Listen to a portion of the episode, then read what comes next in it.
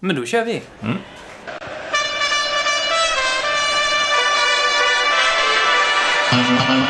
Hej och hallå! Det är höst, september. Äntligen! Säsongen har dragit igång på allvar. Vi har till och med nu kan vi lämna det första landslagsuppehållet bakom oss och börja blicka framåt. Eh, nu så har jag med mig i vanlig ordning från Total Liverpools eh, hemsida Per Kvist. Hej och hallå! Hallå, hallå! Och eh, även Thomas Nygren i vanlig ordning. Välkommen! Jajamensan, tack så mycket. Och innan vi börjar titta framåt och innan vi ska snacka med Erik Edman, för det ska vi göra. Det är det som är lite speciellt med det här avsnittet, att varje gång, eller ibland så tar vi ju in några extra röster. Och idag så har turen kommit till eh, Tottenhams gamla ytterback, AIKs gamla ytterback och svenska landslagets eh, gamla vänsterback. Erik Edman ska vi prata med. Men innan vi gör det så ska vi blicka tillbaka på månaden som har varit. Det har ju varit en ganska bra månad poängmässigt får man väl ändå säga. Eh, Thomas, vi kan ju börja med dig. Hur tycker du den här månaden har varit?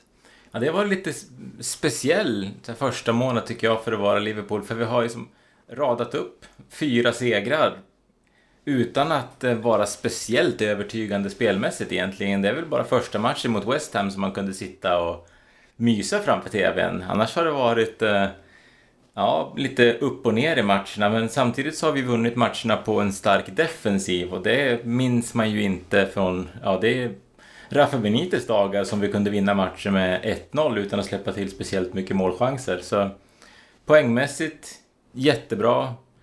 Offensivt finns det väl en del att slipa på men eh, det vet vi vad vi kan sen tidigare så ah, man får, kan inte vara annat än nöjd när vi går in i ett landslagsuppehåll som serieledare. Per, vad är dina intryck här inledningsvis av säsongen? Jag tycker väl generellt sett att många av spelarna i topplagen har haft en viss VM-baksmälla. De har ju vilat ovanligt lite inför den här säsongen och det tycker jag syns. Det syns också på Liverpools offensiva spelare som inte riktigt har sett så vassa ut som man ja, har vant sig vid vid det här laget. Men det är ju som Thomas säger att defensiven har ju gjort att laget har vunnit fyra matcher ändå utan att ha haft den här riktigt sylvassa offensiven som man alltid hade förra säsongen. Känns Liverpool eh, nu som det topplaget som ni båda har förväntat er att det ska vara? Eh, jag tycker att när man vinner den här typen av matcher som Liverpool gjorde nu, kanske främst mot eh, den sista vinsten här mot Leicester när man vinner med 2-1. Trots att man har, man har 2-0, släpper till ett, ett onödigt baklängesmål men ändå står pall liksom utan, utan att rasa samman som man har gjort tidigare år den segern fick ändå, även om jag var besviken på insatsen, så fick det mig att känna att eh, det, kanske är ett annat Liverpool ändå som vi får, eh, som vi får se i år. Att det finns en annan trygghet och en annan stabilitet än tidigare. För det pratade vi om mycket förra året att ja, när, det kom, när motgångarna kom så kunde laget vika ner sig. Och det känns inte som att man gör det på samma sätt nu. Och det, det är ju ett gott tecken. Sen så är det ju såklart, vi har inte mött något av storlagen än det återstår ju att se hur vi kan mäta oss med Tottenham och Chelsea och City och de andra lagen som biter sig fast uppe i toppen. Och just eh, Tottenham, där kommer vi att prata lite mer om längre fram i programmet. Defensiven säger ni. Eh, någon spelare som har fått ganska många rubriker eh, i positiv bemärkelse vad gäller defensiven är ju Joe Gomez som har fått ta steget in som mittback. Vad, vad har ni för kommentarer till honom? Börja, Joe Gomez har ju spelat ett ja, ganska komplett mittbackspel skulle jag säga under de här första fyra ligamatcherna. Och han har ju dessutom sett bra ut nu i landslaget vilket förstås är väldigt glädjande. Både ja, för honom individuellt främst kanske. Och jag skulle väl säga så här att det kollektiva försvarsspelet är så pass bra nu att en orutinerad mitt, ung mittback som Gomes kan han får liksom en annan trygghet nu när han kliver in än vad han hade fått för två år sedan till exempel. Han har ju van Dijk bredvid sig, han har Allison bakom sig, han har väldigt bra mittfältare framför sig. Så det är också omgivningen som möjliggör den här Gomes-succén skulle jag säga. Hur hotad är Dejan Lovrens plats i mittlåset? Dejan Lovren som enligt egen utsago trots allt är en av världens bästa mittbackar. Eh, jag tror ju att den här skadan som han har dragit på sig kan vara väldigt eh, förödande kanske ett starkt ord, men jag tror att ehm, han kommer få svårt att slå sig in i en eh, ordinarie startelva när han är frisk om Gomes fortsätter spela som han gör nu. För rent krasst fyra matcher in i säsongen så har han ju knappt satt en fot fel. Han slog ju några slarviga passningar i första matchen där mot West Ham, men samtidigt det var premiär första matchen som mittback i ligan. Det, det hade varit konstigt om allting hade suttit klockrent, men sen dess så har han ju varit eh, jättebra. Även om jag tycker Dejan Lovren också funkade bra bredvid van Dijk så... Vi vet ju att han... Eh, han kanske har det här misstaget i sig, även om de inte kommer lika ofta längre. Och... Eh, sen har ju Gomes också kanske ett större förtroende hos många av Liverpools supportrar, tror jag, än Lovren som vi har sett misslyckas några gånger. Han eh, spelar ju under en större press än vad, än vad Gomes gör. Så när man såg jag Gomes i landslaget nu så kändes det också som att det här är ju en spelare som kan bli en riktigt, riktigt bra internationell mittback. Och eh, jag tycker det känns jättespännande att se honom tillsammans med van Dijk och jag tror att Lovren kommer få svårt att ta tillbaka sin plats. Mm, de, man kommer ju såklart rotera, men ur Klopps perspektiv så måste man ju ställa frågan varför skulle han ta bort Gomes från startelvan? Det finns ju absolut ingen anledning att göra det så länge han fortsätter spela så här bra.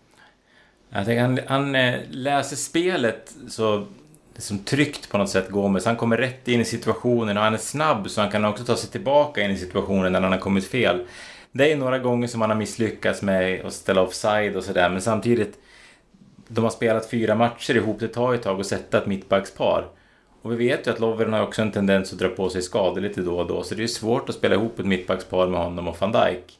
Så fortsätter Gomes prestera på den här nivån då, eh, då kanske vår bakre fyra är eh, är satt åtminstone till de stora matcherna. För som Pelle sa, det, det är många matcher. Eh, Gomes kommer ju inte starta varje match. Vi behöver en frisk Lovren också. Men eh, när det vankas Champions League-final igen i maj. Då tror jag nog att det kommer vara Joe Gomes snarare än Lovren om det blir aktuellt.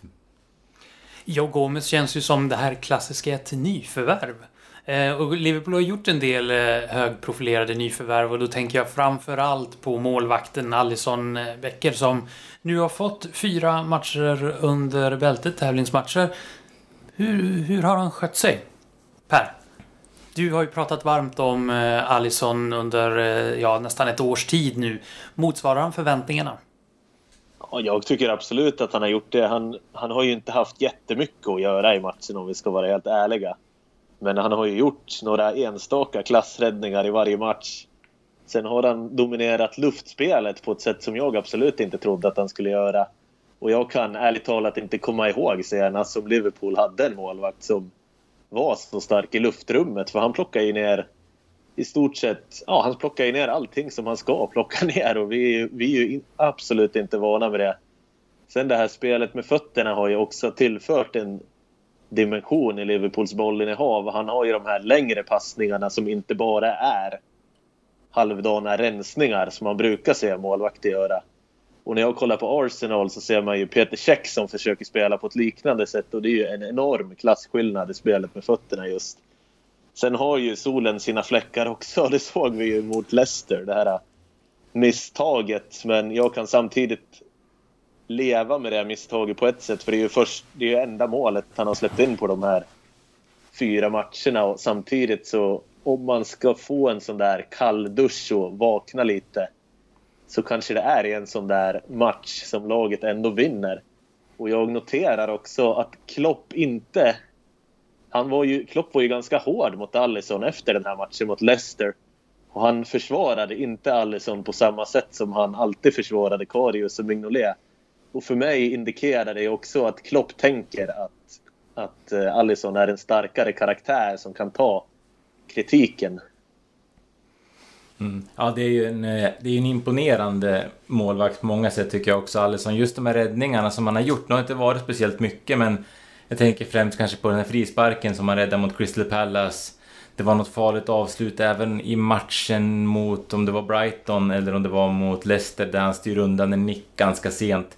Det är liksom inga tv-räddningar eller svår. Han, han, står rätt och styr undan bollen med bägge händerna precis dit bollen ska. Inte några enhandsräddningar som ger svåra returer. Um, ehm, han är också en otrolig spelförståelse. Det är ett par gånger som han har gått upp i en höjdduell på en hörna istället för att plocka bollen nästan har slagit det som ett eh, baggerslag ut till en som ut på vänsterkanten eller högerkanten som man kan ställa om till anfall. Och det är ju såklart ett jättevapen för oss med tanke på vilket omställningsspel som Liverpool har. Men, men det, jag sa redan i första gången jag såg honom att de där dribblingarna de kommer ju bli min död. Uh, han är... Det är ingen som har sett Liverpool den här säsongen kan ju ha blivit chockad när Leicester fick det där målet. Och det var ju som Pelle var inne på, det var ju precis rätt tillfälle att åka på det där för eh, Harry Kane kommer ju ligga som en igel på, på Allison på, ja, nu när vi spelar mot Tottenham till helgen. Och eh, då är det bra att Alisson har fått en minnesbeta om att eh, jag måste vara försiktig och värdera när jag ska göra säsongens långsammaste kröjfint och när det kan vara läge att eh, spela enkelt. Så eh, det är ju det är ju en klassmålvakt. Det, trots att han håller på och dribblar så osar han ju säkerhet. Och det är ju en knepig, en knepig ekvation som säger en hel del ändå om hur bra han verkligen är. Jag bara väntar ja, på att vi ska få skorpionen som eh, den colombianske målvakten Higita gjorde. Ja, alltså jag tyckte det var anmärkningsvärt hur varken han eller laget fick panik efter den här mm. tavlan mot Leicester. När vi såg Karius eller Mignolet göra en tavla föregående säsonger, då var det ofta att de spred enorm osäkerhet efteråt och att hela laget liksom fick en slags kollektiv osäkerhetskänsla. Men så har var det absolut inte mot Leicester när Alisson misslyckades med sin dribbling. Ja, det, det, känns som att det finns ett annat självförtroende i år på många positioner och det är klart att backlinjen, så det går ju inte att sticka under stolen med hur mycket van Dijk har betytt för tryggheten i, eh, i försvaret. Han tar ju bort många av de här bollarna som var farliga in i straffområdet tidigare, så det här huvudspelet som, som vi har varit svaga på tidigare, det blir inte lika mycket målchanser som bollar som bara dimper ner. Och nu när vi dessutom har en målvakt som kan gå, gå upp och plocka ner hörnor så ja, då, då är vi inte lika lätta att såra och skapa målchanser mot. Men vi har släppt in ett mål på fyra matcher och det målet gjorde vi i stort sett själv. Så eh, nej, defensivt så, så ser det jättebra ut, tycker jag. Och då måste man ändå komma ihåg att en sån som Trent Alexander-Arnold tycker jag har sett lite halvdan ut i ligaspelet än så länge, så där finns det ju mer att ta av. Och det kommer krävas, för det är ju en annan turnering då som är ganska stor eh, och eh, ganska betydelsefull som man tog sig till final till förra säsongen eh, som har lottats fram och nu är det klart vilka som blir Liverpools eh, motståndare i Champions League. Och det var väl kanske inte riktigt en drömlottning. Eh, jag vet inte vad ni tycker men eh, Napoli, Paris Saint-Germain, Röda Stjärnan är motståndet i Champions League. Och vad säger ni om den här lottningen? Vi kan börja med dig Per. Jag tycker ändå att den är relativt bra. Jag är lite förvånad över att Napoli är så pass fruktade för de har ju ärligt talat sett mycket sämre ut nu under Ancelotti än vad de gjorde under Sarri. Ja, och eh, ja, sen ska man väl säga det, Röda Stjärnan är ju den givna slagpåsen som Maribor var i fjol. Men eh, PSG ska ju såklart bli extremt intressanta att se, upp, att se gå upp mot Liverpool och jag är väldigt förväntansfull för att se hur Klopp väljer att göra i de matcherna. För man kan ju lätt tänka sig ett scenario där Liverpool pressar högt och PSG kontra med Neymar och Mbappé med flera. Det, det, känns ju inte riktigt som att man vill råka ut för de spelarna i spelvändningar. Så kanske, kan, kanske kommer Liverpool att ligga lite lägre och satsa på sina egna spelvändningar mot PSG. Ja, just matchen mot PSG ska ju bli väldigt intressant för det känns ju som att det är ju kanske världens två starkaste anfallstrios som ställs mot varandra när vi har Firmino, Mané och Salah som ställs mot Mbappé och Cavani och eh, Neymar. Så det ska ju bli extremt intressant att se hur respektive backlinje kan hantera den kvaliteten. För det är ju också det är ju en helt annan nivå på PSGs anfallsspel än vad vi har mött tidigare den här säsongen. Man var ju rädd för Madison i Leicester och så nu så ska man ställas mot Neymar och Mbappé. Och Mbappé såg ju otroligt stark ut i sommar under VM. Så nej, det ska bli jättespännande. Och vi har ju de, de här två första matcherna så har vi ju... Eh, det är väl PSG hemma, Napoli borta. Och de matcherna kommer ju säga ganska mycket om hur pass eh, hårt vi måste anstränga truppen i slutet på turneringen. Skulle vi lämna de två matcherna med fyra poäng till exempel, då ser det ju väldigt bra ut. Skulle vi åka på en torsk hemma mot eh, PSG och kanske, tapp och kanske tappa poäng även borta mot Napoli, då eh, kommer vi bli tvungna att matcha hårt mot Röda Stjärnan. Och eh, med tanke på hur med tanke på att vi vill gå bra i ligan också så hoppas man ju på att vi kan få en bra start. Så att vi kan ta det lite lugnare när vi åker ner till Belgrad. Vad tro, hur tror ni det går då? Kom, är det här en... Är det säkert... Hur säkert känns det att Liverpool kommer att avancera från gruppspelet till Champions League? Per? Med risk för att låta arrogant så känner jag mig ganska säker för att jag tycker inte att Napoli ser bra ut helt enkelt. Ja, det känns ju spontant som att det här är en grupp som vi ska gå vidare i. Vi är ju... Eh, de flesta experter som man har hört prata om gruppen är ju snudd på att de ser oss som gruppfavoriter. Och det är klart, var vi i final förra året så då ska vi ju kunna ta oss vidare ur en sån här grupp. För man ska komma ihåg att eh, PSG är ju inte heller oslagbara. De kommer ju också kunna tappa poäng mot Napoli. Och jag tror, alltså, det är inte omöjligt att Napoli tappar poäng mot Röda Stjärnan heller, för det känns ju som att de har tappat i slagstyrka till den här säsongen. Så nej, men det här ska vi väl kunna klara av. Är det någonting mer ni vill tillägga innan vi lägger eh, augusti och inledningen av september månad till handlingarna? Jag tänker lite grann på mittfältssituationen skulle vara intressant att höra din syn på Pelle med tanke på att vi fortfarande väntar på att Fabinho ska starta. Vi hade Keita vid sidan av förra matchen och de som har kanske imponerat mest om man ser till säsongsinledningen är väl Milner och Wijnaldum. Um, så jag vet inte, hur ser du på det här med uh, Keita och Fabinho? När börjar det bli dags att uh, kräva rejäla prestationer av dem? För det är ändå trots allt uh, etablerade nyförvärv. Ja, jag tycker att dynamiken på mittfältet blev betydligt sämre när Henderson klev in istället för Keita. Det jag tyckte man märkte, märkte ganska dramatiskt på Wijnaldum också eh, i och med Hendersons inträde. Och det är ju inte för att han är dålig, men han är ju en helt annan spelartyp än Keita. Keita kompletterar Milner och eh, Wijnaldum på ett helt annat sätt med sin, sitt dynamiska spel, sin han kan ta sig förbi spelare, bättre passningsspel skulle jag säga. Så att han har ett bättre, större register med bollen än Henderson. Så jag, har ju, jag tror att Henderson och Milner inte kommer spela så jättemånga matcher samtidigt ifrån start. I synnerhet inte när Liverpool förväntas föra matcherna. Det här med Wijnaldum är ju också intressant för han har ju varit nästan lite uträknad men han har ju också haft fördelen av att inte vara iväg på VM till skillnad från väldigt många av de andra där. Eh, ja, väldigt många. Ja, Henderson kanske nästan bara i och för sig, men det känns som att Fabinho är ändå för bra för att ställas ute under en längre tid och Fabinho har ju också väldigt intressanta egenskaper, defensiva egenskaper han är brytsäker, stark. Han är också jättebra i luftrummet exempelvis. Och det kommer ju vara egenskaper som behövs senare under säsongen och som vi inte kommer få om Wijnaldum spelar där. Ja, för det kändes ju lite grann nu mot Leicester som att mittfältsspelet blev lite för enformigt. Det kändes som det var speciellt Milner och Henderson har ju lite liknande egenskaper. Eh, och Wijnaldum kom ju inte loss när eh, bolltempot blev långsamt så det ska bli intressant att se nu kommande månaden om de först och främst räknar med att Keita kommer att få spela från start redan på lördag. Men det ska bli väldigt intressant att se när, vi, när eh, Fabinho kliver in för jag tror att eh, där har vi en dimension till i vårt spel som, eh, som vi skulle må bra av. Även om det funkat okej okay hittills så så det här lilla sista på mittfältet tycker jag har saknats. Så det ska bli spännande att se när de nya spelarna går för fullt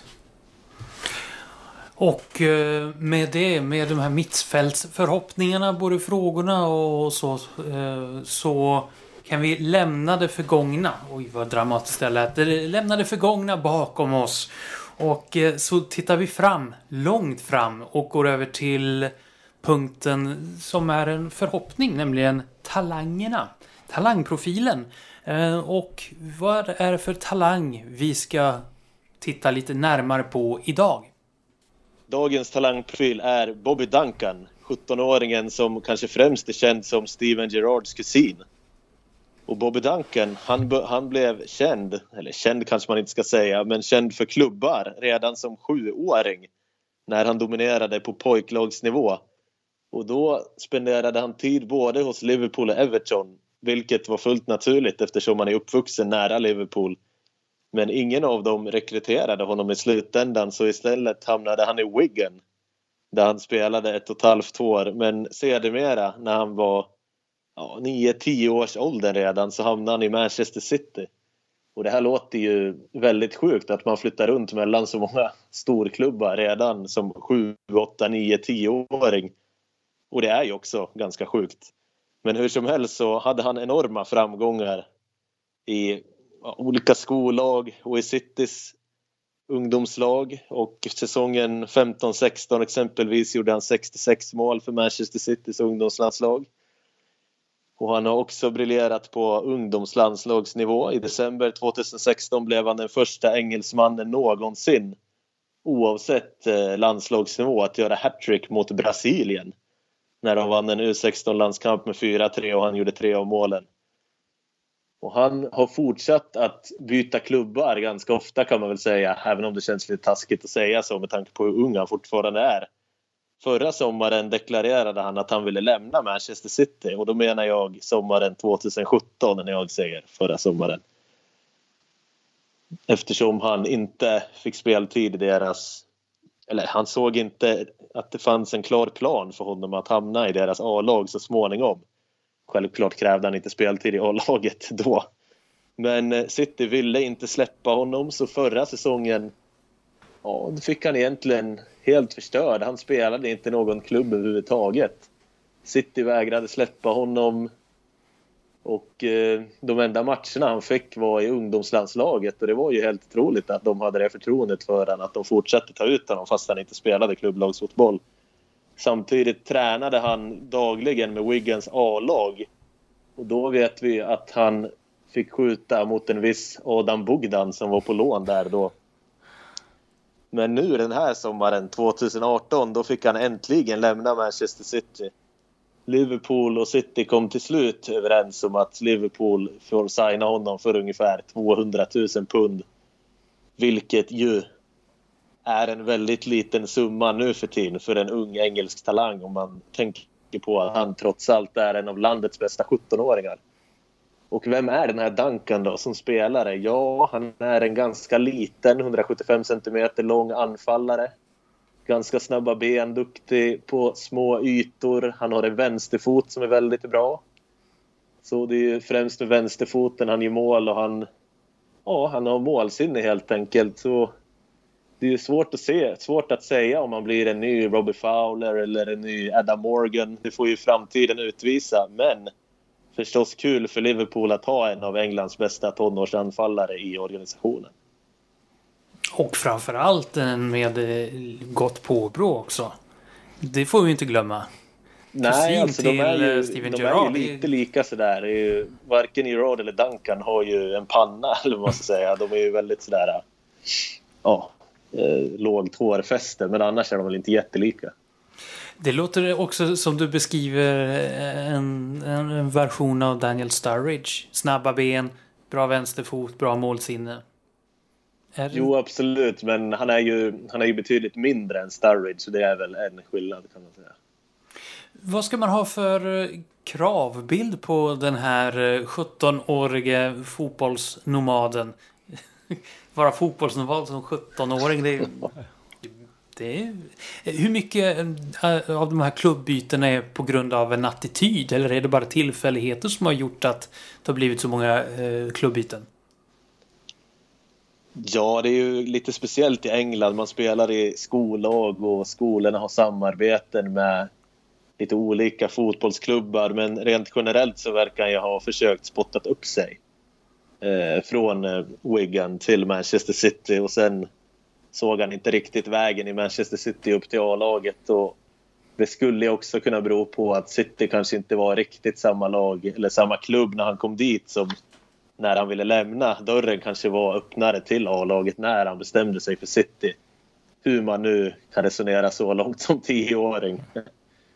Ja, målmedvetna föräldrar eh, antar jag har någonting med att, att göra.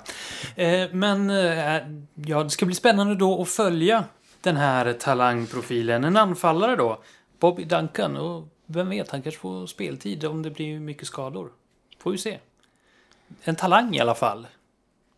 Ja, vi får väl hoppas att han inte behöver få speltid den här säsongen, får jag väl ändå säga.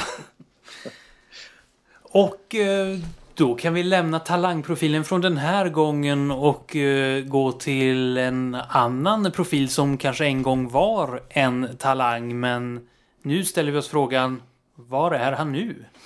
Mm.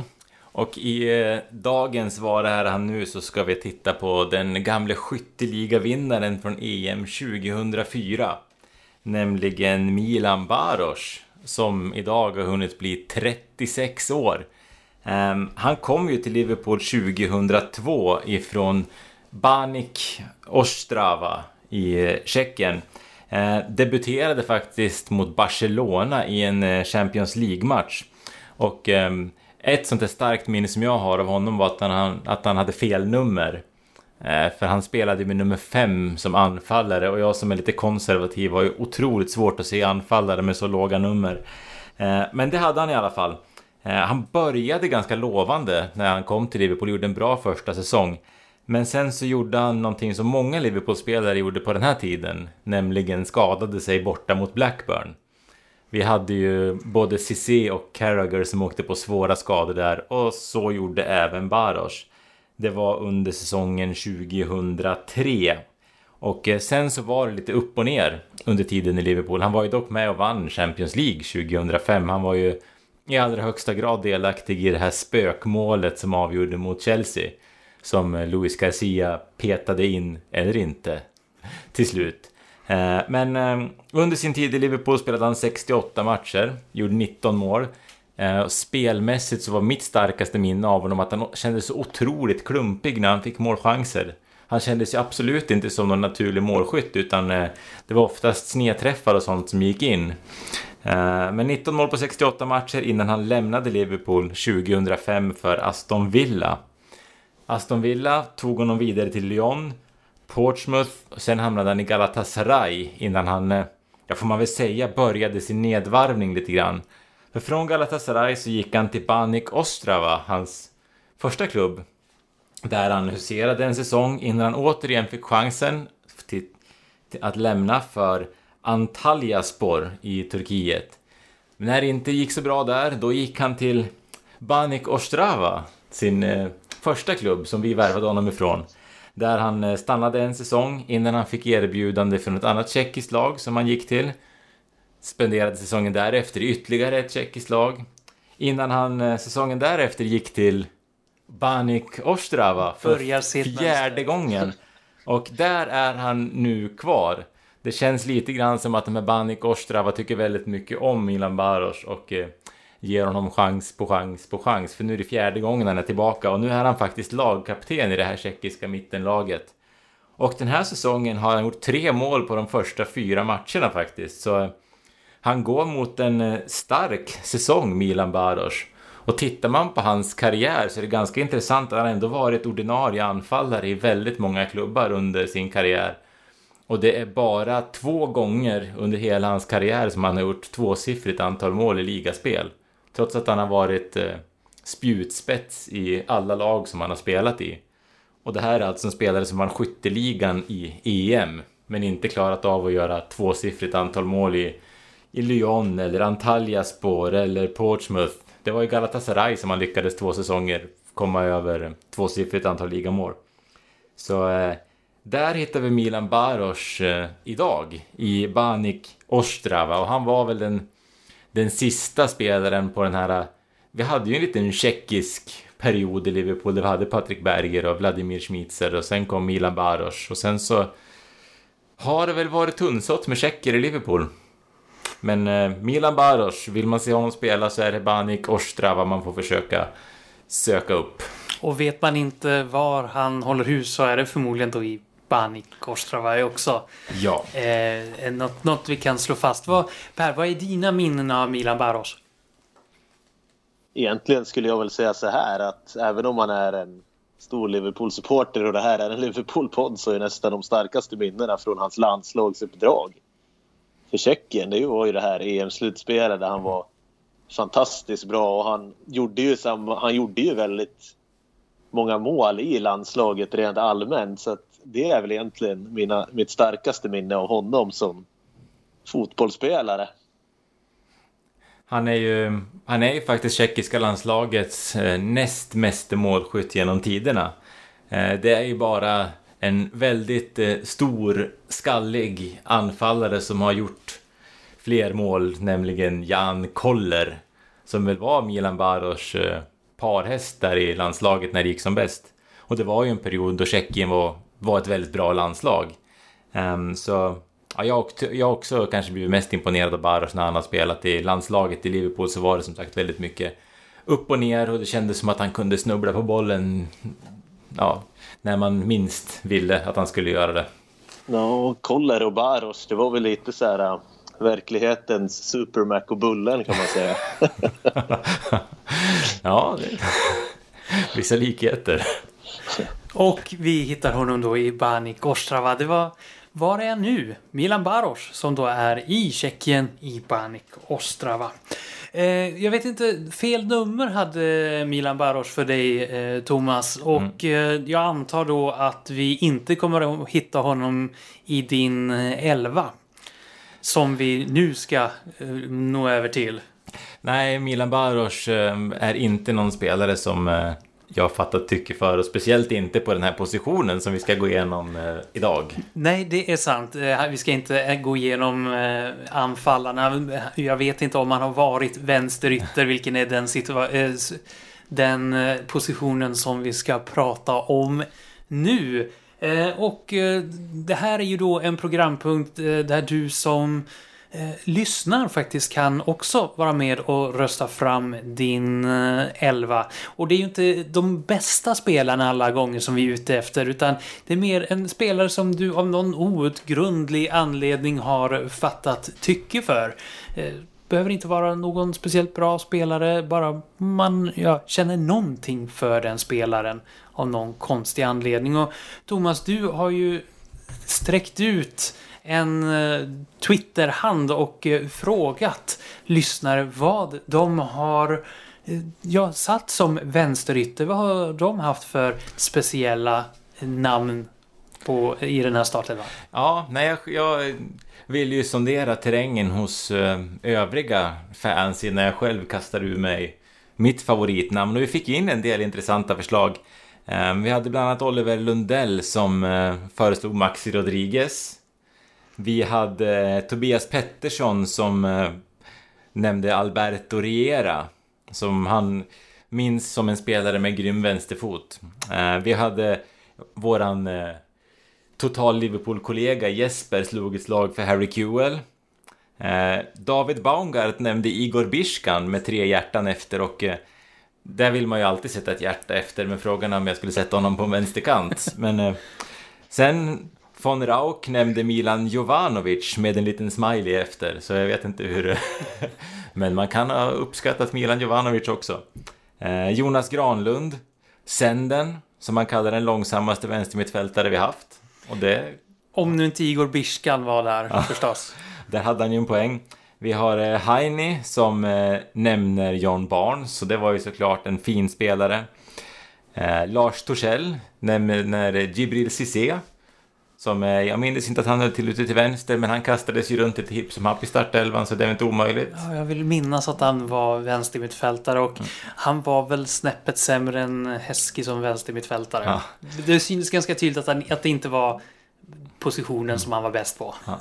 Sen har jag också fått ifrån min eh, reskamrat David, som näm också nämner Harry Kewell som ett, eh, ett favoritnamn. Så eh, vi har eh, fått in en del spännande förslag ifrån, eh, ifrån lyssnarna och det är alltid roligt. Och vilka är era då? Är det någon av er? Harry Kewell verkar vara populär. Är det någon av er som föll för frestelsen att ta just Harry Kewell som sympatiskt öde ändå? Alltså, jag eh, har ju en viss förkärlek för Leeds-spelare eftersom min far är Leeds-supporter. Jag vet inte om det är därför som jag gillar James Milner väldigt mycket också, men jag har ju valt Harry Kewell.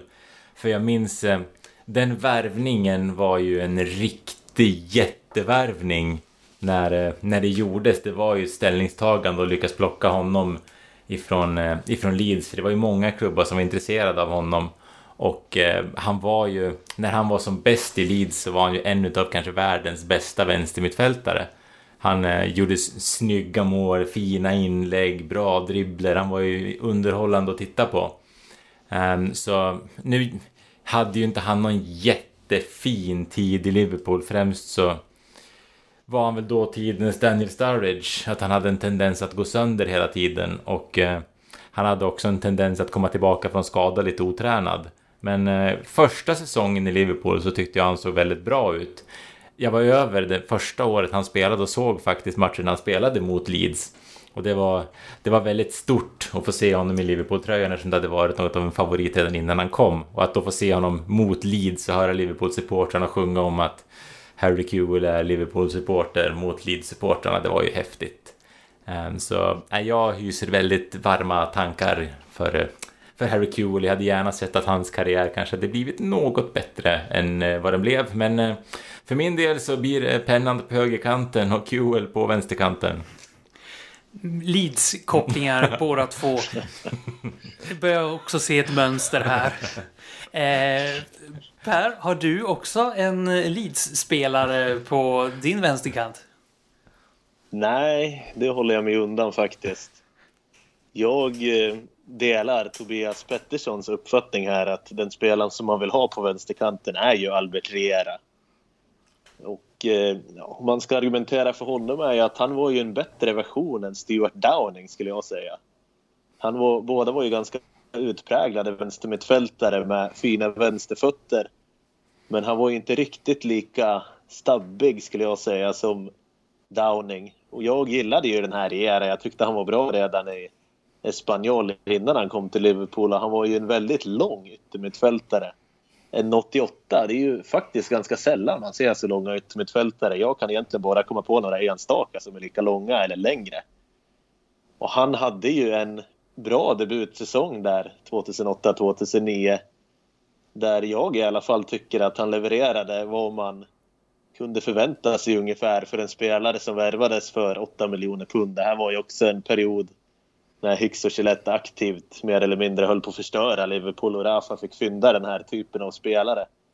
Dessvärre gick det ju inte riktigt lika bra den andra säsongen och jag minns ju att det var problem med baksida lår och kanske lite för tidiga comebacker som gjorde att baksida lår gick sönder igen och sådär, inte riktigt han läka. Men jag tyckte det var lite olyckligt ändå där sommaren 2010 när man släppte honom till Olympiakos. För min del hade han gärna kunnat fått vara kvar några år till som truppspelare. För jag tyckte han var väldigt gedigen och han kunde också avgöra matcher på ett sätt. Han var ju inte den här utpräglade matchvinnaren som typ Luis Garcia men han var en stabil spelare som man kunde lita på ändå på något sätt kände jag. Och jag, eh, ja därför är han min spelare här. Stabil, bortglömd och han hade väl vissa eh, attitydproblem i senare klubbar vill jag minnas att han eh, var ganska tjurig. Jag vet inte. Men eh, ja, Spännande. Eh, då kan vi avsluta med min då. Jag, lite kort, jag har ju i vanlig ordning velat fram och tillbaka. Jag kan ju säga för en kvart sedan så tänkte jag men det fanns en chilenare där som jag gillar, Marc Gonzales. Men sen slog det mig, ja men det finns ju faktiskt en annan som jag föredrog, även om man kanske inte var renodlad vänstermittfältare vänster mittfältare någonstans. Tillhörde, han var väl en del av Spice eh, Boys tror jag man kallade vissa spelare i Liverpool. Bestod av Jamie Redknapp och, och den, den generationen. Och då tänker jag på Patrick Berger. Som eh, kom till Liverpool efter något EM. Det var ju han, Karel Poborski och Jan Koller som var stora stjärnor då och up and coming men och det här var ju en spelare som eh, i, i sann Liverpool-anda eh, och sann vänstermittfältsanda uppenbarligen var väldigt ofta skadad. Eh, och hade en rejäl vänsterslägga och tekniskt duktig, ganska stor och stark herre med eh, långt hår och hårband är väl det jag minns mest av dem. Men att alltid vilja att det skulle vara någonting man kände alltid att det var någonting extra som skulle kunna hända när han var på planen. Att han besatt en hel del talang, oförlöst talang. Även om han var bra i Liverpool så kändes det som att det fanns alltid mer att ta av. Och det tycker jag, även när han lämnade så var det som att det var ouppfylld talang och det kände jag sympati för och det är en spelare som jag ömmar lite extra för. Samtidigt som Louis Garcia hade ju varit, ja, ja, nej det får bli Patrik Berger. Av just de anledningarna, den här oförlösta talangen som ger lite sympati. Så det var våra vänstermittfältare en australiensare, en spanjor och en tjeck. Så det var stor spridning geografiskt och eh, eh, ja, även tidsmässigt. Ja, och kvalitetsmässigt. Och kvalitetsmässigt. Eh, och med det så tänker jag då att vi ska presentera dagens huvudpunkt, nämligen våran gäst. Vi har ju pratat om vänster mittfältare. Nu ska vi gå tillbaka ett steg i planen för att det är ju en eh, vänster, gammal vänsterback vi ska prata med. Hej och eh, välkommen Erik Edman! Stort tack! Vad gör du idag? Uh, idag, just idag gör jag inte så mycket. Jag har legat i sängen hela dagen för jag har åkt på uh, en tuff förkylning här. Så att, uh, du vet ju män som blir förkylda, då är man en ynklig människa. Det är inte att leka på, med. Men, nej, precis. Men normalt sett så, så ja, jag driver själv en podcast med Mattias Lindström och en annan kille som heter uh, Mårten Bergman. Och sen uh, har jag jobbat på en skola fram till sommar och uh, även lite kommentatorsjobb. Så det är ungefär det jag gör. Fullt upp. Vad, vad handlar podden om? Eh, främst allsvenskan. Den heter Ljugarbänken. Så vi tuggar igenom den allsvenska omgången och snackar om, om det som har hänt, det som är intressant och sådär. Så eh, ja. Hur tycker du allsvenskan står sig idag?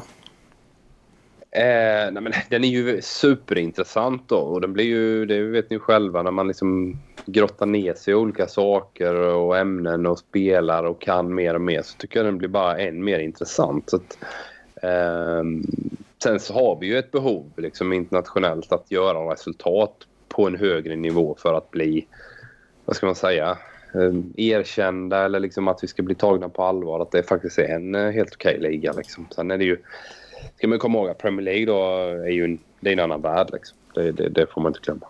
Vad har du för eh, relation till eh, Premier League idag? Du spelar ju, har ju spelat det under ett par säsonger så... Jag har väl egentligen inte så mycket relation till, till det mer än att man följer såklart de lagen man, man spelar och jag tycker ju jättekul för, för eh, Tottenham till exempel. Den resan och den utvecklingen som de har valt att liksom... Jag upplever att det är en sund och balanserad satsning med liksom, eh, klok manager och nu bygger man ny arena. Så det känns som det är mycket positivt och har varit eh, väldigt mycket positivt kring och runt klubben i flera år faktiskt.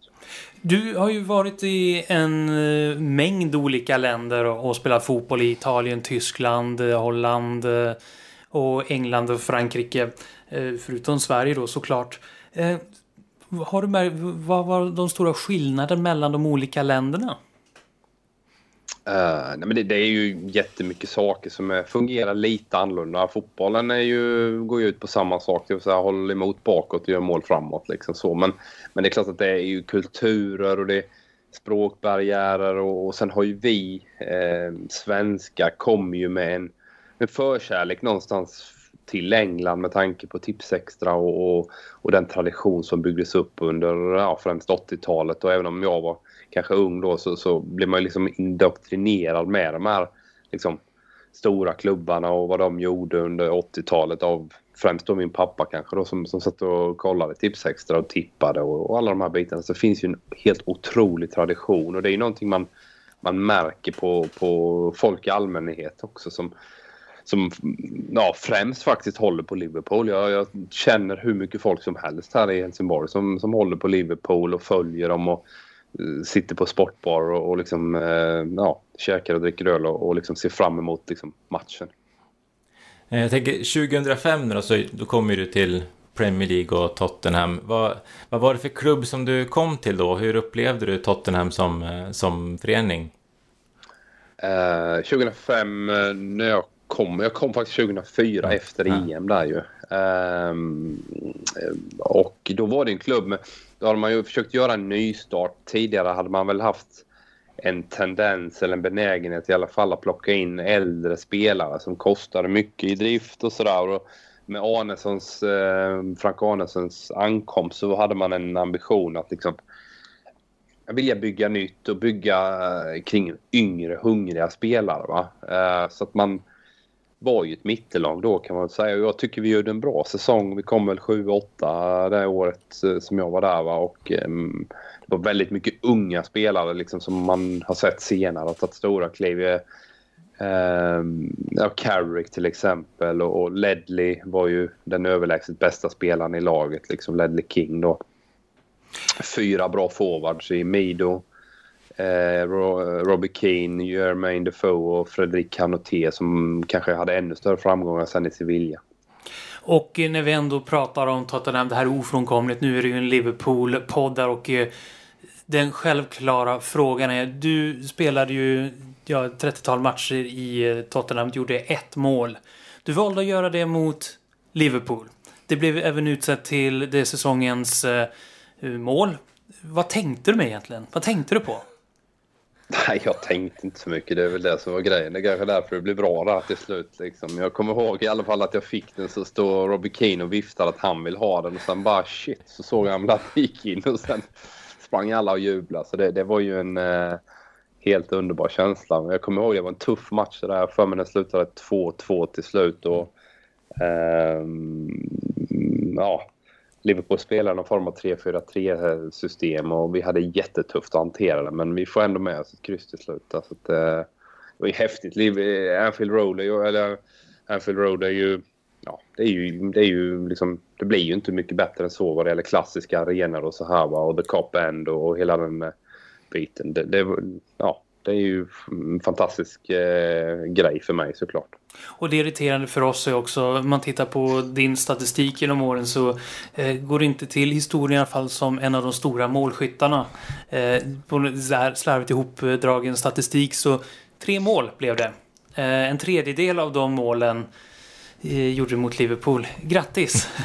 Ja, det känns ju fantastiskt skönt att eh, kunna stoltsera med det. Va? Nej, jag var ingen målskytt, det var jag inte. Jag skulle gjort något mer mål. Men det är som mina kompisar brukar reta mig för att jag var allergisk mot eh, att kliva över mittlinjen ungefär. Liksom. Så att, eh, ja, jag, jag får vara nöjd att jag fick peta in en i Premier League. Alltså.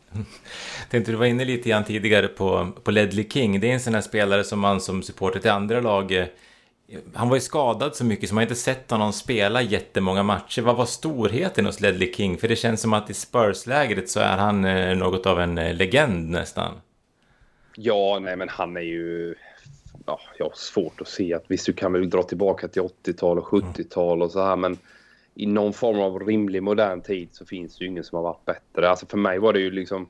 Alltså han var, kunde ju allt. Han var bra på att passa, han var snabb så in i helvete, han var bra på att nicka och brytsäker, läsa spelet och eh, det som imponerar ännu mer är ju egentligen hur han då mm, liksom aldrig tränade. Va? Liksom han, han satt in i gymmet måndag till torsdag, kommer ut lite grann på torsdag på slutet, joggar något varv runt planen. Sen är han med på kvadden på fredag och, och kändes det okej okay, så var han med på lite spel med. Men annars var han inte med på det. Och sen är han man of the match i stort sett varenda lördag. Så liksom, man, man, man förstår ju inte hur fan han klarade av det. Och tänk då hur jädra bra han hade kunnat vara om han hade fått eh, få vara mer skadefri än vad, vad som blev fallet. Eh, av de här, eh, ni hade ju fyra väldigt profilstarka anfallare får man ju säga under det här året. Vilken av dem som på träningen var det någon av dem som stack ut lite extra? Eller vem var svårast att spela mot? Uh, nej men det, det, är ju ganska fyra unika spelare på, på många olika sätt. Om du tar Jermaine så är han ju snabb, rapp och så kommer till avslut. Va? Robbie är ju mer målskytt av liksom absolut världsklass. Uh, han var ju i Liverpool också en vändare väl fick det inte riktigt att snurra men för mig en supermålskytt liksom. Jag har aldrig sett en mer naturlig klinisk avslutare någonsin. Uh, när han får läget, det bara smäller dit den. Det är precis som att ja, vad fan är problemet? In med skiten bara liksom sådär va. Så det är häftigt att se det. Eh, tar du Mido till exempel så, så var han ju kraftfull med sin storlek och, och liksom ganska ojämn i sitt spel men hade ju liksom toppar som var liksom definitivt världsklassen. Kunde han väl vara sämre också. Fredrik hade ju en gänglighet och liksom svårhanterlig på grund av sin storlek. Han är ju nästan 1,95 va. Eh, långa ben, långa armar, vänder och vrider och sådär. Så att, eh, fyra unika forwards som hade eh, olika grejer. Jag har svårt att, att liksom ranka dem också faktiskt. Eh, så, men, men fyra superforwards. Så det var ju lite gameplanen också i matcherna. Fort upp med bollen dit på dem. Någon av de två som spelar. Vi spelar 4-4-2 då. Va? Så, så hoppas vi att de eh, kan hitta på något kul ungefär så. Hur trivdes du i Tottenham? Jag trivdes väldigt bra. Sen så är ju London eh, en underbar stad men den är ju helt otroligt stor och kommer man från eh, ett litet ställe eh, som Habo där jag är uppvuxen och bodde mina 15 första år så är det ju en kontrast. Va? Och leva i en 10-15 miljoner stad, jag vet inte hur många som bor där idag, så det är, det är annorlunda. Och, och jag tycker nästan det är lite jobbigt när det är så mycket folk. Liksom det var skillnad sen när du kom tillbaka från eh, efter eh, säsongen i, i Tottenham så blev det ett par säsonger i franska eh, Rennes innan du åkte tillbaka till eh, England. Fast då blev det en klubb med helt andra ambitioner och lite mindre. Hur var kontrasten att komma till Wigan jämfört med Tottenham? Det var inte jättestor kontrast på liksom setup. Och såklart att träningsanläggningen var sämre. Men, men liksom det var bra tränare och bra liksom support runt så. Sen, sen är det såklart, alltså Tottenham är en av de stora klubbarna liksom, eh, i England. Och har ju kanske förväntningar på sig när jag var där att vara en toppklubb. Men kanske aldrig riktigt leverera den typen av resultat som fansen kanske ofta var vana vid sen 80-talet och 70-talet och sådär när de vann grejer. Va? Um, men Wigan var ju en helt annan grej för det var ju, det var ju en rugbystad och eh, liksom relativt ny i Premier League då och, och, så vidare. Så det var ju ja, den kontrasten. Men, men det var en, en, liksom en fin klubb också men med lite mindre då. Mm. Varför blev det bara en säsong i Tottenham? Det var ju ändå 31 matcher. Det var ju ordinarie eh, i laget och sen lämnade efter en säsong. Vad var det som gjorde att du flyttade till Frankrike efter efter tiden eh, nej men, Det var så här att på sommaren där när jag kom tillbaka så, så värvade Martin Joll en eh, vänsterback som var i PS för Jong Pioli. Eh, och så var det ett år innan VM, där, 2006 i, i Tyskland. Och jag kände att jag ville spela regelbundet. Eh, eh ja, för, för, att liksom vara i form till, till, till VM. Där, eh, så. Och när de plockade in honom så var det ju för mig en indikation på att ah, okej, okay, nu kommer han förmodligen då spela. Va? Och, um, ja, faktiskt på sista dagen så tog jag det beslutet uh, av transferfönstret att, att sticka då liksom. Och, um, ja, jag trivdes bra. Sen bro, drog jag ändå en fraktur i benet så jag var ju ändå skadad sista två månaderna innan VM där som, som uh, gjorde att jag inte var riktigt i toppform. Hur mottogs uh, din transferbegäran? Av eh, manager Martin du eller? Ja, precis. Eh, nej men han sa jag vill inte släppa dig för jag vill ju ha dig som, en, eh, som ett alternativ att spela här liksom. Och, och um, men jag var väl ganska tydlig där liksom med att alltså, Mart jag har sagt innan också mm, till Martin och jag gillar honom jättemycket så här som tränare och som person. Att, vi var ganska ärliga liksom att ja, jag vill ju spela för jag känner att det, det är viktigt för mig att hålla mig fräsch och alla de här bitarna. Och han kunde liksom inte garantera det så att eh, ja, då valde han istället för att vi liksom ska gå och sura på varandra så släppte han mig då liksom och, och det var inga konstigheter med det. Typ så. Eh, och eh, hur var det då att komma till Rennes och Frankrike? Var det stor skillnad att gå till den franska ligan från Rennes var väl ungefär på den tiden eh, Eh, ungefär i samma klass i, i den franska ligan som Tottenham var i den engelska ligan skulle jag eh, med, för det var under den tid som Kim Källström och Andreas Isaksson var där och eh, eh, Rennes var väl precis under toppskiktet i, i Frankrike om jag inte missminner mig helt. Nej, men det är helt rätt. Uh, när jag kom dit så hade de torskat de fem första matcherna men de hade ett bra lag. Uh, ändå fast det liksom bara gått knas första fem där. Så det, det, var nog många som tyckte vad fasen ska du göra det sämsta laget i hela franska ligan liksom. Typ så när jag kom dit. Men, men eh, jag trivs väldigt bra där. Eh, sen så var det ju, det var ju liksom då när man varit van vid att liksom det är superfokus från svenskt håll eh, på svenskarna som spelar i Premier League och sånt och det var det då. Och så kommer man till, till Frankrike, det är ju ingen som bryr sig alls liksom. Så det på sätt och vis var en en kontrast. Även om man inte alltid söker liksom rampljus så, så, så blev det en stor förändring kan man säga. Liksom. Eh, Lilla Rennes då i jämförelse med, med stora Tottenham eh, eh var en annorlunda uppgiv- eller upplevelse. Men det var också ett jäkligt häftigt land, Frankrike. Och vi hade också eh, där ett väldigt ungt lag. Eh, extremt ungt på många sätt. Liksom med 18-19-åringar som sen har spelat i, i riktigt stora och fina klubbar. Eh, ja, när de blev vuxna. Så. Vem är den mest talangfulla spelaren som du spelade med där i den som du kan påminna dig om? Johan Gorkuf om ni vet vem det är. Ja.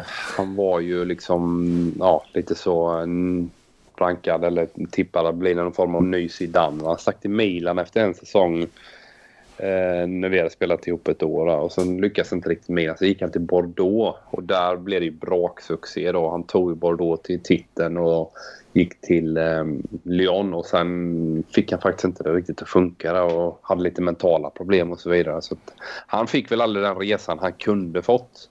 Eh, men det, det, var andra spelare, Stefan Mbia som har varit i England till exempel. Det var framgångsrik i Sevilla, Moussa So som Eh, vann ligan med Lill och sen eh, liksom lite halvlegend i Fenerbahce till exempel. Och, ja, det, det, det är flera där till liksom, som har haft fina resor.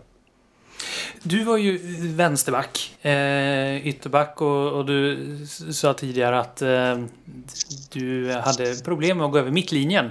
Eh, därav den lite skrala målskörden. Eh, men vad, vad gör en bra ytterback i dagens fotboll? Tycker du? Finns det några bra exempel som, som du kan liksom säga att det här det är en bra ytterback? Men jag tycker väl att vi har ett svenskt bra liksom, exempel på det. Augustinsson som spelar landslaget där han kan värdera både det offensiva och defensiva och, och det blir en helhet som harmoniserar med styrkan på laget. Uh, för det där är ju någonstans uh, otroligt viktigt att du väljer dina ytterbackar ute efter eh, vilken typ av lag du är. Ehm, tittar man kanske, ska dra för exempel, om man är Manchester City så, så kanske man inte behöver en ytterback som är 1,85 och, nickstark utan då ska du kanske ha spelare som är snabba och, och bra en mot den och bra inlägg och de här bitarna. Så det, kriterierna för en bra ytterback skiljer sig väldigt mycket beroende på vilken typ av eh, klubb och lag du är i ligan. Så skulle jag säga. Eh, har du märkt några skillnader att eh, ytterbackspositionen har, eh, har den förändrats något sen du var på topp? Uh, nej men det, det, är klart att känslan är väl att det blir än mer en offensiv roll. Uh, ser, man ser ju både i VM och, och de största matcherna i Champions League och Premier League hur lagen centrerar sina sin, sin positionering. Och det är klart att eh, blir man tätare i mitten så finns det ju ofta mer plats på kanten. Så det är ofta man är spelförande och liksom en nyckel i uppspel också nu för tiden va? Eh, som ytterback. Eh, så att är du skicklig med bollen, du är snabb och eh, ultimata ytterbacken är kanske David Alaba. Eh, sådär va. Han, han, har ju både en, en löpkapacitet, en snabbhet och en fin touch och, och så här. Va? Och även en spelförståelse. Så för mig är han ju kanske perfekta ytterbacken. Så Och eh, nu följer du ju inte Premier League slaviskt men finns det någon ytterback i något av, eh, som om du har koll på det, någon av helgens kombatanter mellan Liverpool och Tottenham som du tycker är värd att lyftas fram? Nej men Liverpool har ju Eh, Trent Alexander-Arnold tycker jag väl började förra säsongen där jag såg de matcherna lite halvdassigt så. Men har ju utvecklats enormt och, och sådär. Trippier tyckte jag var härlig att se i VM. Eh, som är ju Tottenham då. Eh, men det är klart att det, det, finns jättemånga bra, bra spelare, liksom inte bara ytterbackar så, eh, i båda lagen. Så det, det är ju en, det är kanske den mest intressanta matchen alltså som finns i ligan idag faktiskt. Kanske då tillsammans med en, ett möte med Man City. Liksom. Jag tänker, eh, jag antar att du kommer se matchen på, på lördag? Ja, det, det, ska jag försöka göra om jag, om jag kan det. Vi har födelsedagskalas också, men, men eh, jag ska kolla. Ja. ja. Hur, eh, när du tittar på Tottenham, är det liksom så att du brinner för att de ska vinna eller är det mer att du njuter av ja, underhållningen? Jag har aldrig faktiskt... Eh, många frågar mig ja, vilket favoritlag har du. Det är klart att där man har varit och spelat så, så det är kul om de vinner. Men det är inte det att jag sitter som, du, som ni gör slaviskt och liksom helt tokiga när man släpper in mål eller glädje. Liksom, eh, eh alltså när, det, liksom, när man gör mål och så. Utan jag, jag känner väl en balanserad... Eh, ja, känslostar, lite sådär, liksom balanserade känslor kring de lagen och även Tottenham. Så det är jättekul när det går bra men det är inte så att jag liksom ligger sömnlös när de torskar några matcher heller. Va? Så att det, eh, ehm, det är på den nivån. Mm. Tänker vi kommer ju från ett eh, landslagsuppehåll nu. Eh, du har ju varit med om det här många gånger att åka ifrån ligaspelet, iväg och spela landskamp och sen tillbaka till ligaspelet. Hur, eh, hur svår omställning är det här att liksom bryta av ligaspelet och åka iväg och tagga för en landskamp och sen tillbaka in i ligaspelet? Jag skulle nog vilja säga att det beror helt på vilken klass du har som spelare. Um, alltså jag kanske var på en nivå att mina kvaliteter, om jag, när jag spelade Tottenham till exempel så var jag tvungen att vara på topp i varje gång vi tränar och varje gång vi spelar Premier League-matcher.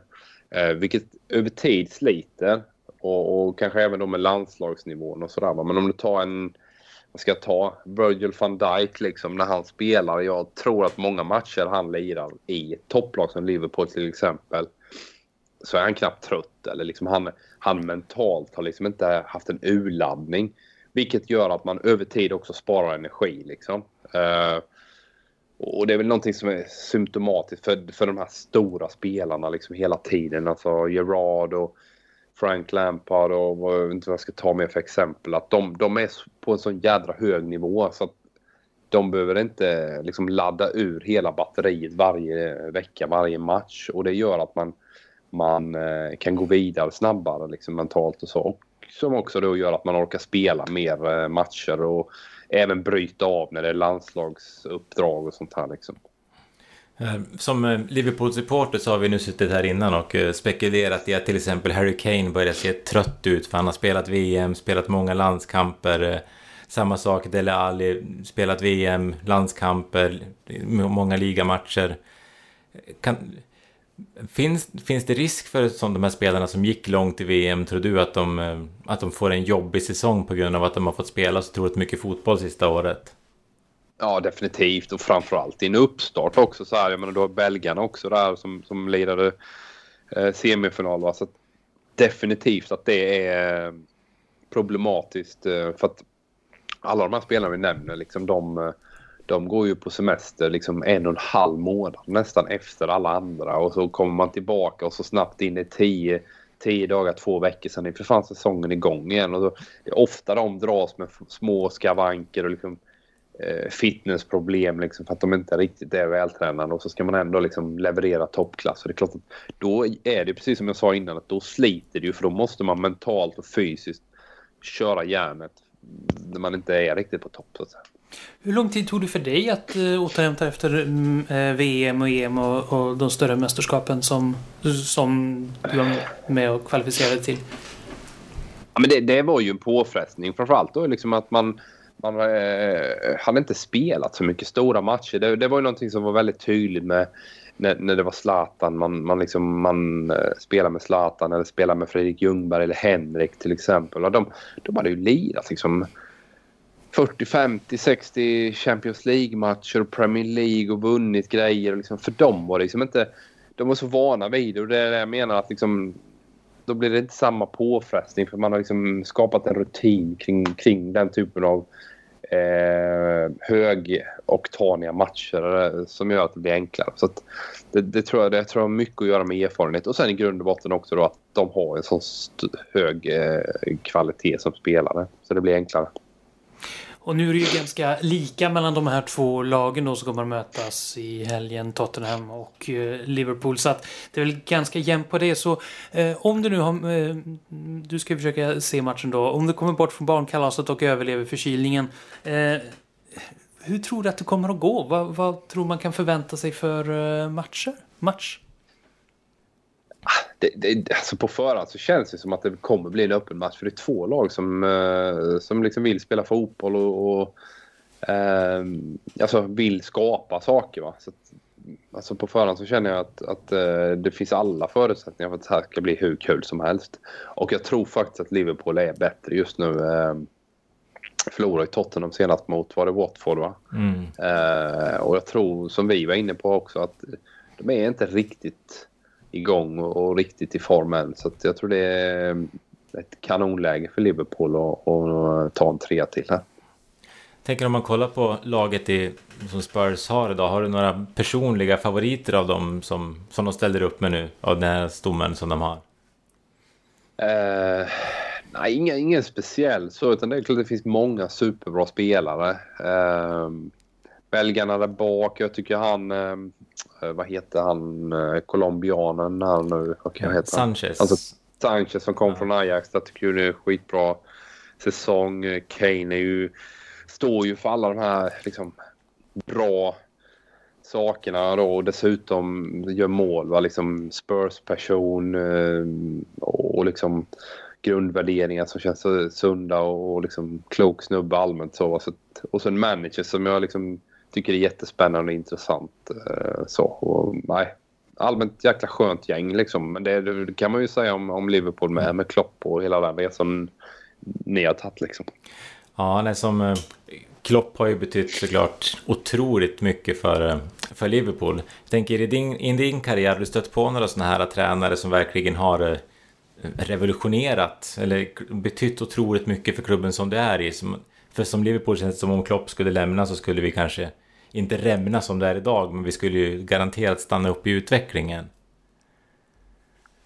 Uh, ja, men det, det, det, tror jag hade varit ett jättestort tapp. Eh, han är karismatisk, något otroligt och uh, har ju fått med sig alla spelarna och folk vill komma. Va? Så, så det tror jag hade varit ett superstort tapp. Nej, men för mig har väl uh, Roberto Martinez liksom är väl den typen av tränare fast i en helt annan miljö då i Wigan eh, när han kommer in där. Han gjorde ju något jäkligt häftigt med Swansea när de ligger i League One och liksom revolutionerar liksom ja, gärdsgårdsserierna där i England med att helt plötsligt spela spansk fotboll kan man väl säga. Va? Liksom, och, och, där hade man ju velat vara med när han började den resan med Swansea och byggde upp eh, byggde upp dem och liksom alla de fördomar som finns kring det här eh, från engelskt håll att man måste kämpa hårt och ja, det måste man ju ändå oavsett om man spelar vilken typ av fotboll men, men liksom att det ska vara långa bollar och de här bitarna. Så han var väl en, en liksom, någon form av eh, svensk eh, variant på Graham Potter och de har ju connection och, och liksom känner varandra väl också, eh, Roberto och Graham Potter. Men att påverkan på en klubb och förändra liksom, traditioner tycker jag. Det hade varit häftigt att vara med om.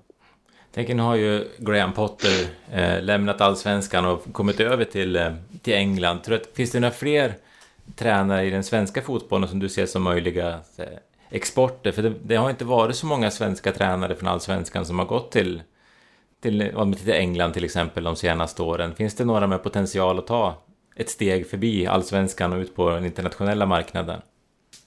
Ja, men det, det, tror jag definitivt. Jag tycker det finns jättemånga väldigt spännande unga tränare idag. Jag gick ju själv provkursen här med ja, fem, sex av dem som, som tränar allsvenskan. Och allt från Joel Cedergren till, till Axel Kjell, Bartosz Grzelak, Jimmy Tillin och, och, och sådana här som, som jag var otroligt imponerad av Eh, under de två åren vi gick tillsammans. Då. Så alla de tycker jag är jättespännande och intressanta. Sen, sen handlar det ju om att komma i en miljö och, och det finns förutsättningar att göra saker eh, så att man kan ta nästa steg. Men för, för Grahams del var ju säkerligen då eh, den här Europasuccén och, och hans bagage och kontakter sedan tidigare. Och jag tror definitivt att Roberto Martinez har haft påverkan på eh, alltså Graham Potters möjlighet att komma till Swansea med tanke på att han själv har har liksom byggt upp den klubben och de har ju famlat lite i mörkret efter sin identitet de senaste åren och så ramlar man dessutom ur så då kände man kanske att nu är det nog fan dags att gå tillbaka till, till det som vi gjorde så bra tidigare och hitta rätt i, den, i det tränarvalet. Och eh, då tar vi sista frågan. Eh, vi var inne lite på det förut. Eh, hur slutar det på lördag? Jag tror på 2-1 till Liverpool. 2-1 till Liverpool. Kommer vi få någon rejäl stänkarmål, tror du? Nej, det kommer vi inte få. Det, det kommer bara vara en riktig jäkla kanon och den kom ju 2005. Så att, eh, det blir svårt att toppa den. ja, det går inte att toppa. Det är helt omöjligt. Nej, grejen var att uh, Steven Gerrard hade ju någon sån missilraket där en månad efter typ mot uh, Middlesbrough eller någonting kommer jag ihåg den säsongen. Så att, uh, ja, det har varit fler mål där på den arenan. Men det blev inte säsongens mål. Ja, jag vet inte. Jag vet fan om inte han kommer ändå... Jag kommer inte ihåg riktigt. Det var ett snyggt mål i alla fall. vi kan nog vara säkra på att vi kommer få se ditt mål i tv på lördag i alla fall. Jag hoppas på det. Det har varit kul. Ja.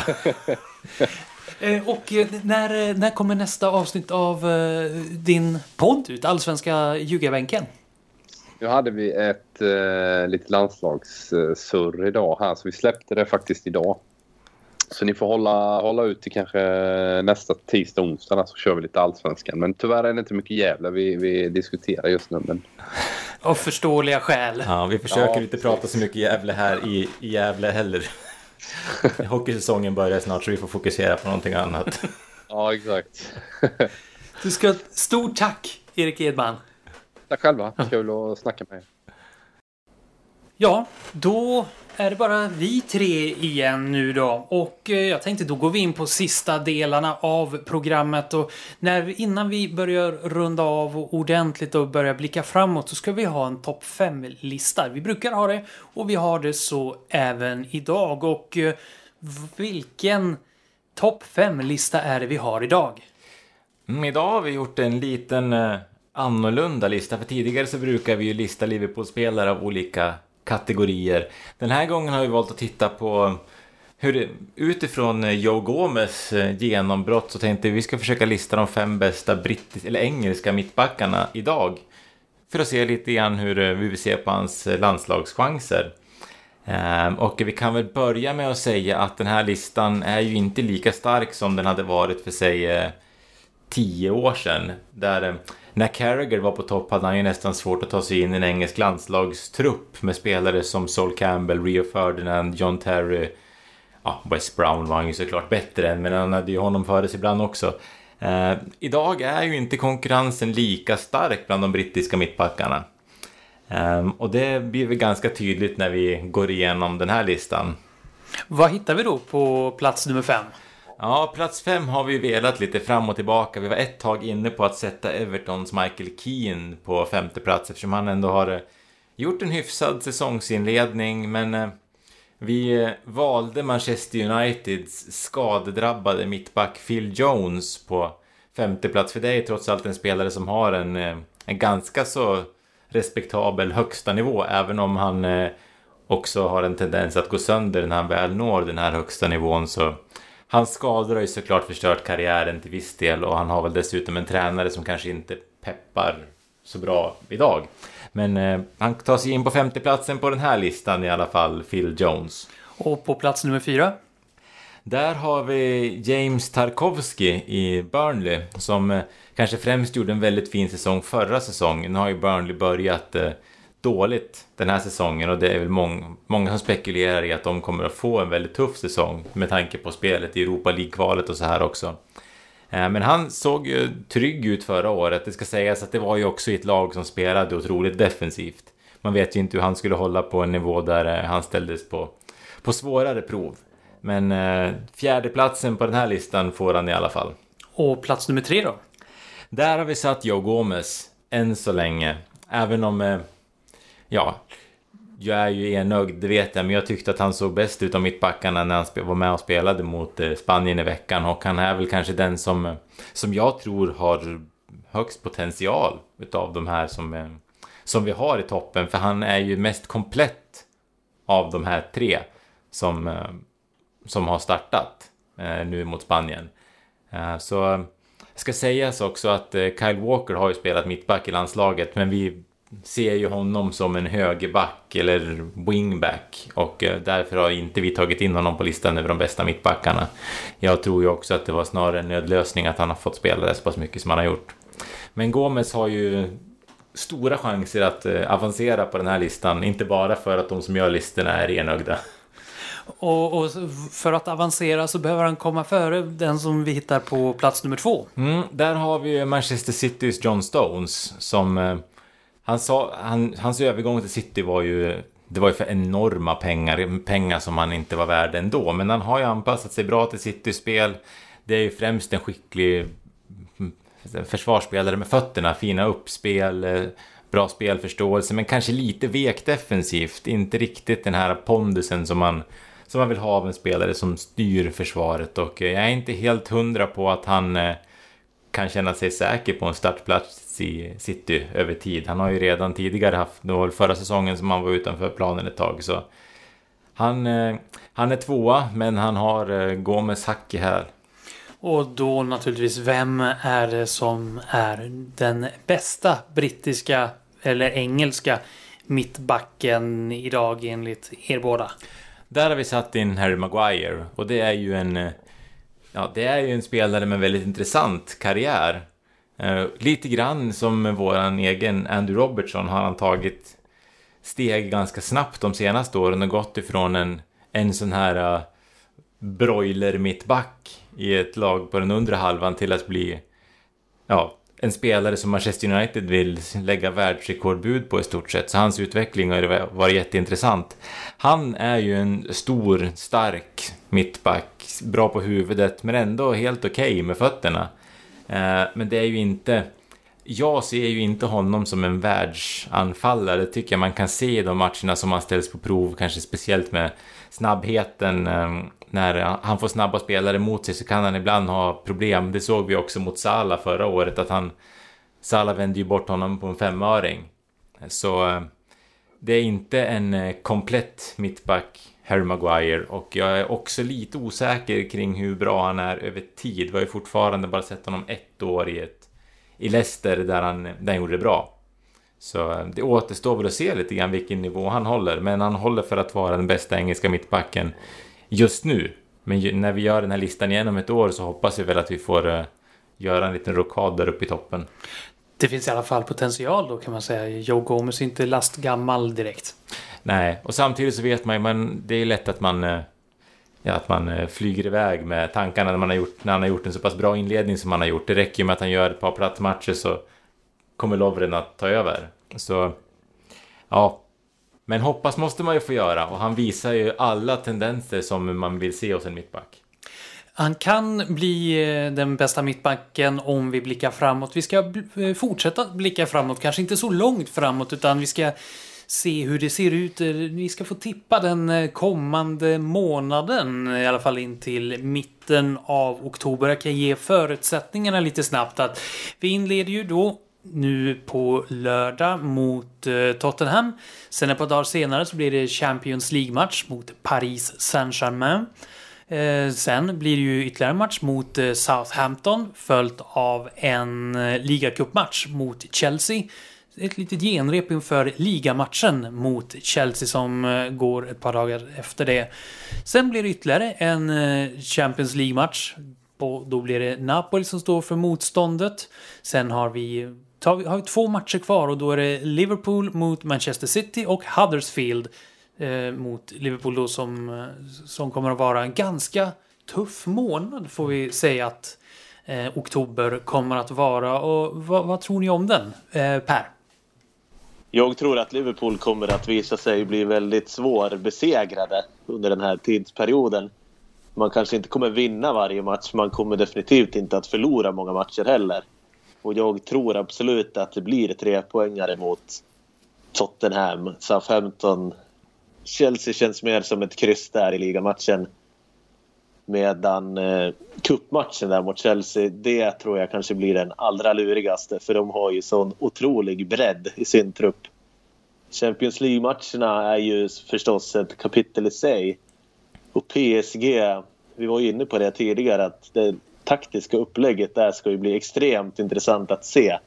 Men jag kan tänka mig att det blir en poäng mot PSG kanske, men att man vinner mot Napoli borta och därmed sätter sig själva i ett bra läge inför fortsättningen av Champions League. Thomas, Mm. vad tror du om månaden? Ja, det är ju såklart väldigt många tuffa matcher. Det är väl egentligen bara hemmamatchen mot Southampton som på förhand känns som en match som vi, som vi ska vinna. Eh, vi kommer ju få ett kvitto på lördag mot Tottenham hur pass bra Liverpool står sig mot topplagen. Men spontant så känns det ju som att vi, vi har ju höjt oss en nivå i år. Och eh, det ska bli intressant att se om vi kan hålla den nivån även när vi ställs mot riktigt tufft motstånd. Eh, det är ju Champions League-matcherna, de här två matcherna kan vi få med oss tre eller fyra poäng därifrån så är det jättebra. Eh, vi ska inte behöva förlora hemma mot PSG tycker jag. Vi ska inte behöva förlora mot Napoli heller. Så tar vi en av dem och kryssar en så, så ser det jättebra ut och det tror jag vi ska kunna klara av. Sen är ju ligacupen knivig. Det är synd att vi fick så tufft motstånd där, för nu när vi har en bred trupp så vill man ju att alla ska få en chans att spela, även om de här lite yngre ska kunna komma in och få speltid. Så den är ju svår.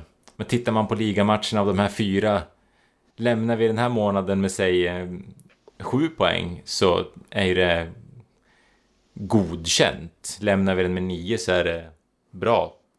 Tar vi fullt den här månaden då kommer jag ha hybris. Nej, det är ju... Det ska bli intressant att höra i så fall. Jag hoppas att vi tar fullt bara för att få höra Thomas få hybris som annars är ganska eh, sparsam med eh, förhoppningarna. Mm. Det är ju, både Chelsea och City ska ju bli sjukt intressant. Chelsea är en ny tränare i år som spela på ett helt annat sätt än vad man gjort tidigare. Vi kommer ju ställas mot ett kanske lite mer öppet Chelsea än vad vi är van vid.